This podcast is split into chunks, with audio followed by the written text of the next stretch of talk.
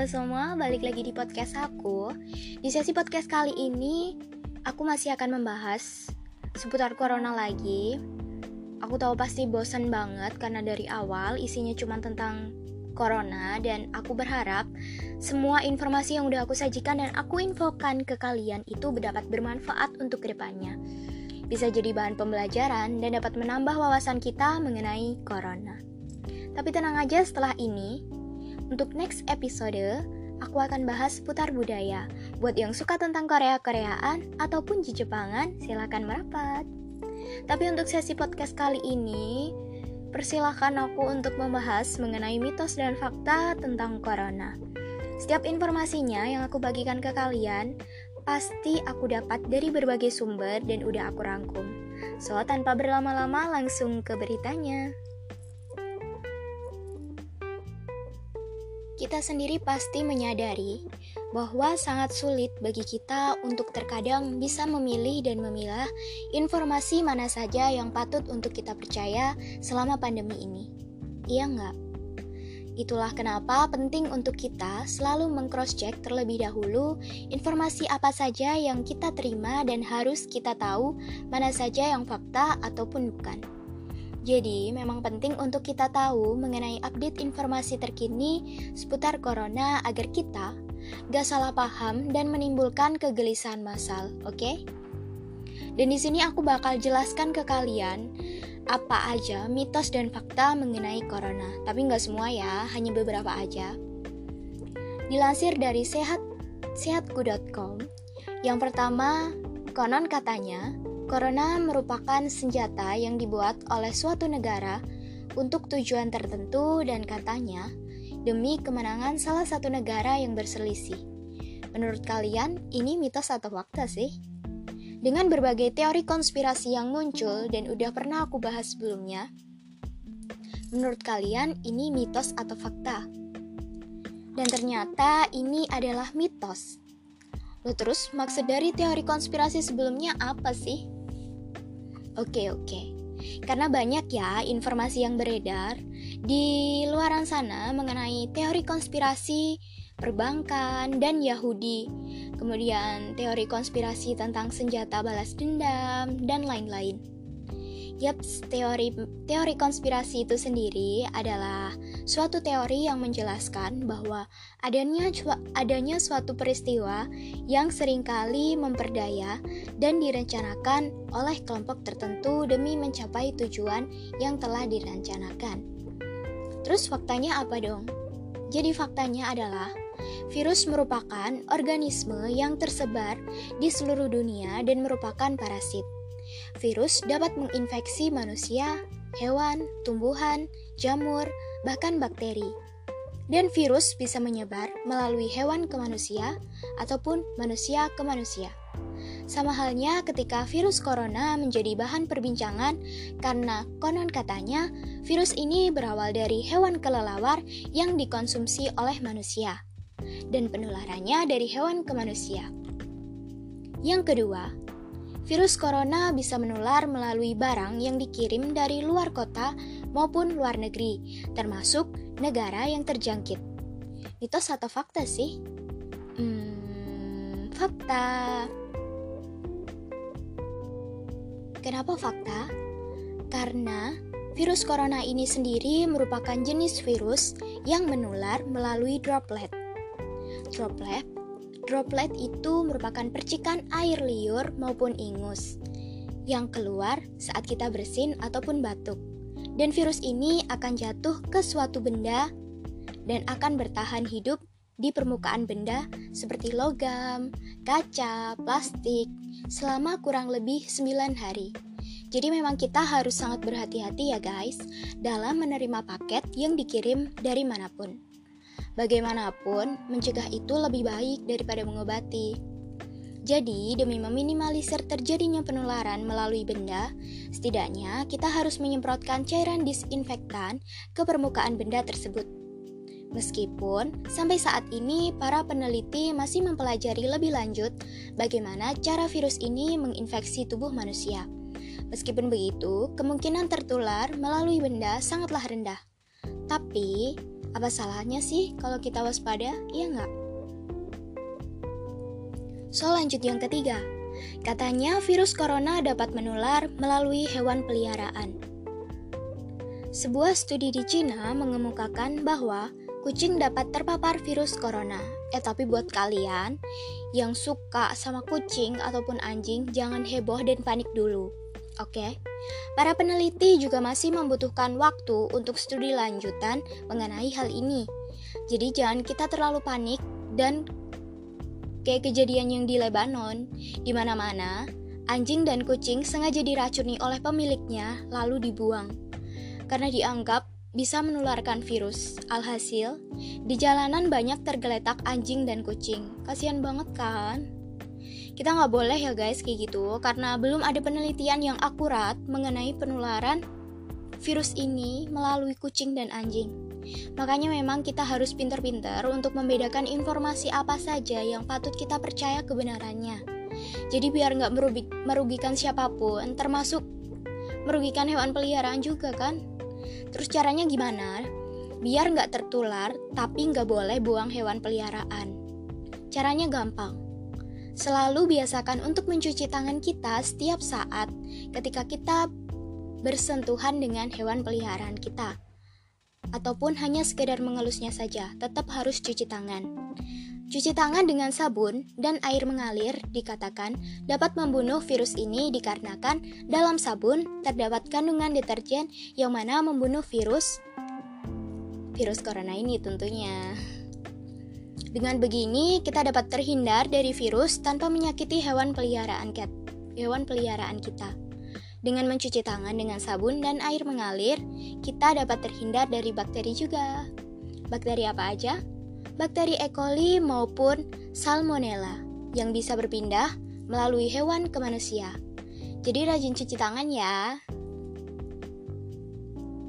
Next yang keempat, katanya kalau kita menahan nafas selama 10 detik dan kita tidak merasakan sesak nafas, tandanya kita tidak terinfeksi virus corona mitos atau fakta sih? Dan ini adalah mitos, karena faktanya bagi orang yang berusia muda memang lebih kuat menahan nafas dibandingkan orang yang berusia tua. Dan mendeteksi virus juga nggak segampang itu guys. Terus apa gunanya dong alat tes yang udah dibeli pemerintah selama ini? Jadi antisipasinya adalah dengan selalu menjaga kesehatan dan gaya hidup bersih. Itu pasti, oke? Okay? Jika merasa tidak enak badan ataupun ada keluhan terkait gejala corona, segeralah untuk periksakan ke rumah sakit agar lebih akurat hasilnya, oke? Okay? Yang kelima, katanya kalau kita kumur-kumur pakai air, air garam dan cuka dapat menangkal virus corona. Bener nggak sih? Kalian yang pernah sakit gigi atau sakit tenggorokan atau flu lah, pasti pernah nyobain alternatif ini kan? Katanya dengan kumur dengan air garam bisa membunuh kuman penyakit bahkan virus. Tetapi untuk virus corona ini beda cerita ya. Sampai sekarang belum ada penelitian yang menunjukkan bahwa berkumur dengan air garam dan cuka dapat menangkal tertularnya virus corona. Yang benar adalah selalu menggunakan masker di mana pun kita berada. Nah itu udah terbukti bisa menangkal virus corona karena kita mengurangi berkomunikasi dan berinteraksi dengan sesama dengan menjaga mulut dan hidung kita dari droplet tentunya ya. So jangan lupa pakai maskernya guys. Yang keenam, katanya virus corona ini lebih mudah menular ke orang tua daripada anak muda. Bener nggak? Oke gini ya. Jadi ini virus virus corona dan semua itu, semua rentang usia berpotensi untuk tertular virus corona.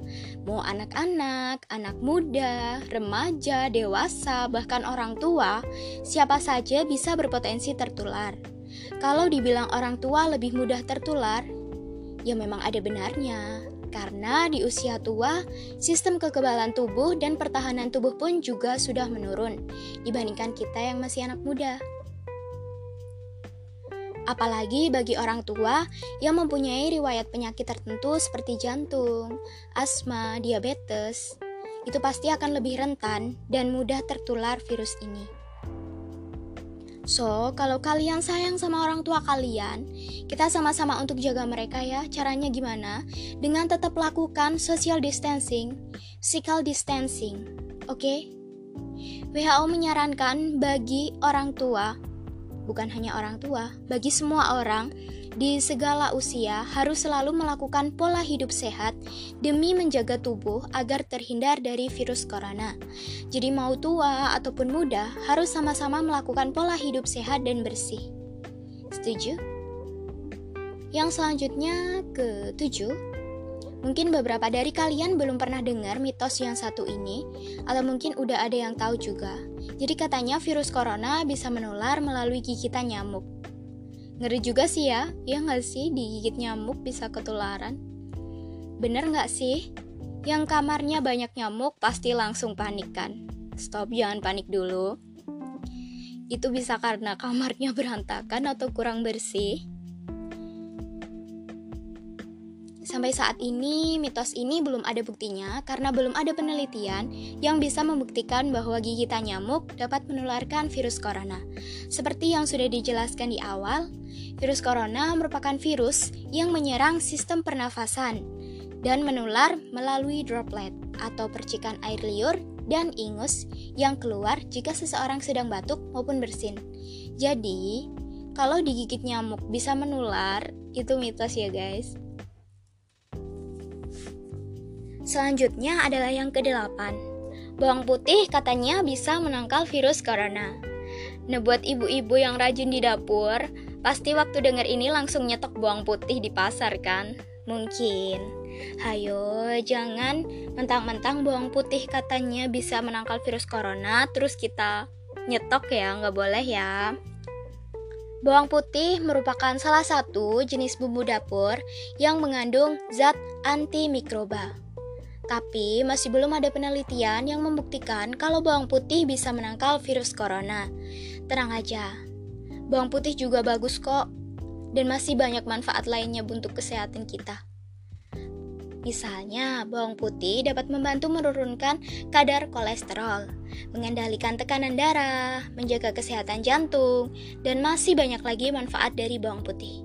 Tapi bukan untuk mengusir vampir ya guys, itu beda lagi ceritanya. Oke next, yang selanjutnya kesembilan adalah Mandi dengan air panas dapat mencegah tertularnya virus corona. Mitos atau fakta sih? Mitos guys itu. Dengan kita mandi menggunakan air panas itu tidak dapat mencegah tertularnya virus corona. Karena apa? Karena suhu tubuh normal manusia ada di antara 36,5 sampai 37 derajat Celcius. Tapi kalau mandi air panas, karena biar nggak kedinginan, itu fakta, oke? Okay?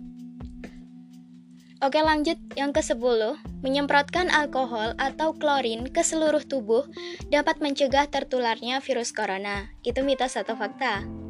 Faktanya adalah klorin dan alkohol tidak dapat membunuh virus yang sudah masuk ke dalam tubuh manusia Tetapi kalau menyemprotkan alkohol atau klorin ke seluruh tubuh akan lebih beresiko karena bisa terkena mata dan mulut jadi alkohol harus digunakan secara tepat ya, bisa disemprotkan di permukaan benda juga boleh. Seperti yang tadi udah diceritain di awal, misalnya dapat paket bisa disemprotin dengan alkohol. Yang terakhir adalah virus corona katanya dapat hilang saat musim panas. Jadi ingat waktu dulu banyak orang yang dengan pedenya bilang Indonesia nggak akan tertular corona karena negara kita adalah negara tropis. Dan sebagaimana lihat kenyataannya saat ini, Oke lah, tidak usah dibahas. Tapi setelah itu, jreng-jreng, semuanya sudah terjadi. Ya gimana ya guys, emang yang namanya virus itu nggak pandang bulu.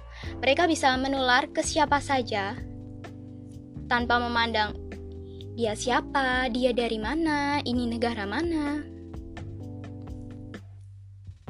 Jadi faktanya beberapa pandemi sebelumnya tidak mengikuti pola cuaca Ditambah, saat sejumlah negara memasuki musim panas, ada beberapa negara di belahan benua lain yang mengalami musim dingin.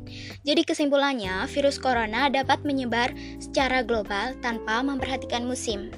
Sebenarnya masih banyak banget fakta dan mitos lainnya ya, tapi semoga informasi ini bermanfaat dan sedikit menambah wawasan kita mengenai virus corona. Ya maksudnya biar nggak kemakan hoax gitu, tetap selalu filter semua informasi ya guys, dan selagi bisa cari kebenaran informasi yang kalian dapat. Stay healthy guys, and selamat lebaran buat semuanya.